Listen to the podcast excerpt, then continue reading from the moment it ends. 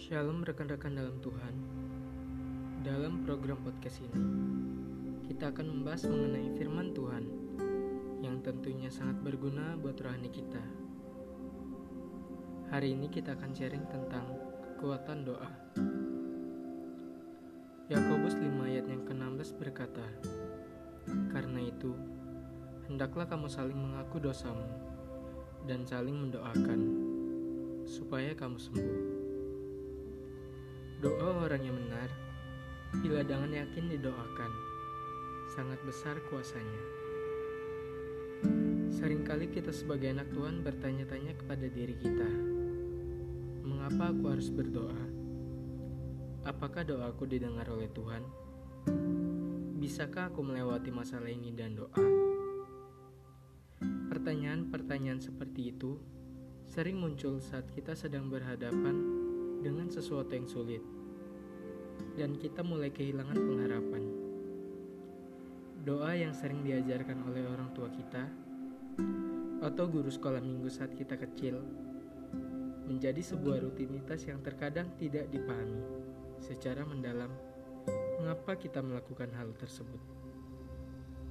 Kita sering mengabaikan apa makna dan kekuatan dari doa kita bisa belajar dari beberapa tokoh Alkitab yang membuktikan kuasa dari doa.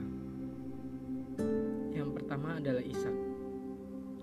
Kejadian 25 ayat yang ke-21 Berdoalah Ishak kepada Tuhan untuk istrinya sebab istrinya itu mandul. Tuhan mengabulkan doanya sehingga Ribka istrinya itu mengandung.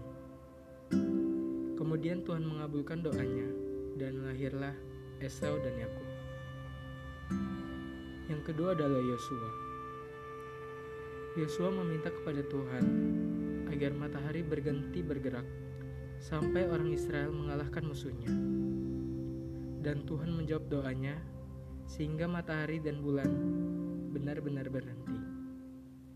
Nah, dari contoh di atas, kita semakin mengerti apabila doa kita disertai dan iman yang benar, akan sangat besar kuasanya. Bagaimanakah cara memiliki iman yang benar? Firman Tuhan yang terambil dari Yohanes 15 ayat yang ketujuh berkata, Jikalau kamu tinggal di dalam aku, dan firmanku tinggal di dalam kamu, mintalah apa saja yang kamu kehendaki, dan kamu akan menerimanya.